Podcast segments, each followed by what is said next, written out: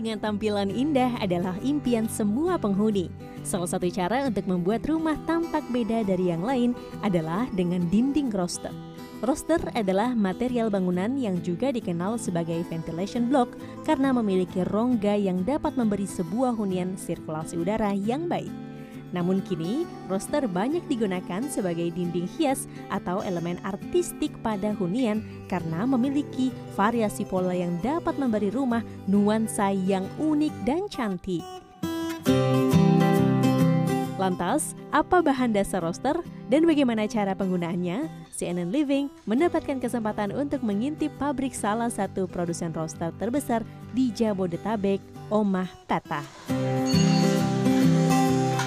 baru pertama kali nih Mas Ilham mengunjungi tempat pembuatan roster. Sehari bisa produce atau bisa buat berapa piece nih Mas? Kurang lebih 2000-an Mbak, 2000 piece kurang lebih. Dalam sebulan itu kita produksi 50.000 sampai 60.000 piece dalam sebulan. Mas Ilham, aku baru tahu kalau ternyata roster itu dicetaknya manual. Betul, Mbak. Boleh tolong ceritakan sedikit prosesnya itu seperti apa? Oke, proses dari awal dengan bahan baku, pasir, semen, air, dan bahan khusus dari bata, mereka cetak di molding khusus sesuai dengan desain eh, yang kita punya, Mbak. Ada berapa bentuk cetakan? Kurang lebih 200 lebih, Mbak, eh, untuk molding cetakan kita. 200 lebih dan itu kalau misalnya ada yang minta mau custom begitu juga bisa? Bisa banget mbak, karena memang spesialis dari kita bisa custom sesuai dengan keinginan dari desain-desain customer dan arsitek.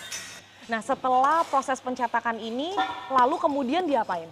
Ini setelah dicetak kita ada masa pengeringan, lalu ada setelah kering 2-3 hari langsung masuk ke area stok. Dan setelah dikeringkan 2-3 hari itu apakah langsung kokoh? Langsung kokoh mbak. Pada umumnya, roster berukuran 20 kali 20 cm. Roster dengan luas permukaan di atas 90 cm persegi baiknya ditopang dengan besi agar lebih kokoh karena roster memiliki banyak rongga pada desainnya.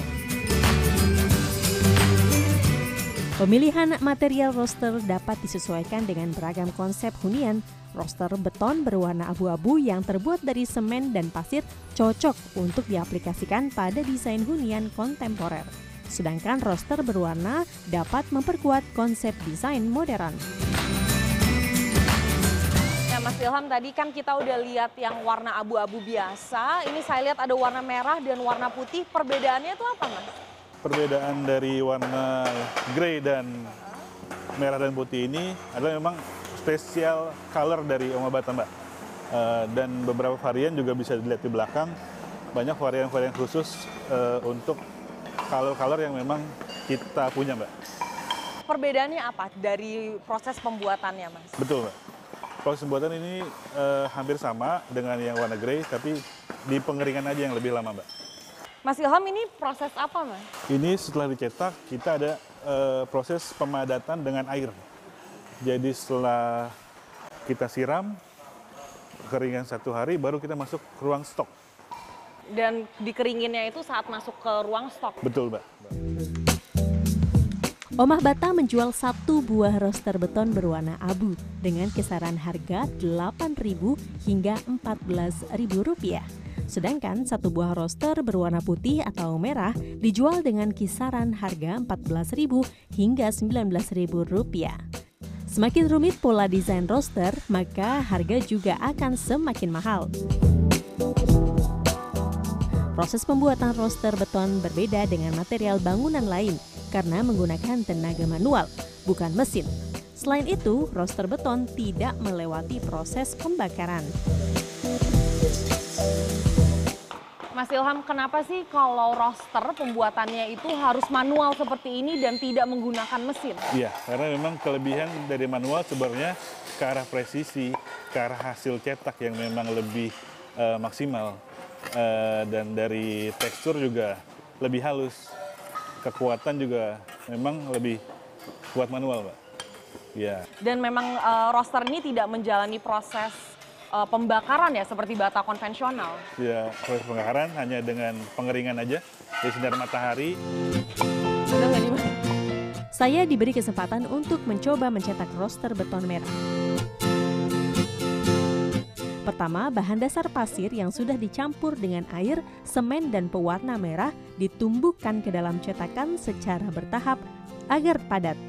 Namun ternyata proses ini tidak semudah yang dilihat. Tadi kita udah isi cetakannya Mas Ilham, ini sekarang semacam unboxing kali ya. Oke, tengahnya dulu kita angkat.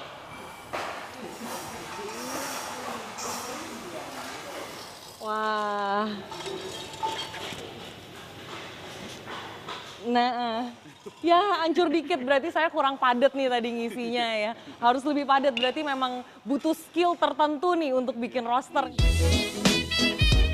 Variasi bentuk atau pola roster dapat memberi hunian palsokan udara, cahaya matahari, angin, hingga konsep arsitektur sesuai kebutuhan penghuni. Tak heran, roster sudah menjadi salah satu material yang kerap digunakan pada arsitektur tropis karena efektif mengatasi iklim yang panas dan lembab. Selain memberi nilai estetis pada sebuah hunian atau bangunan, dinding roster juga dapat memberi rumah ventilasi udara yang baik karena memiliki banyak rongga.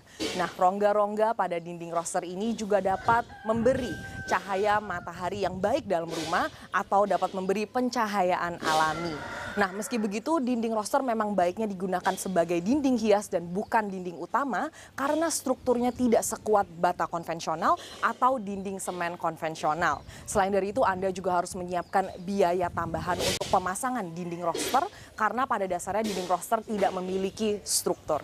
Karena Mursalim, Arif Yunan, Jakarta.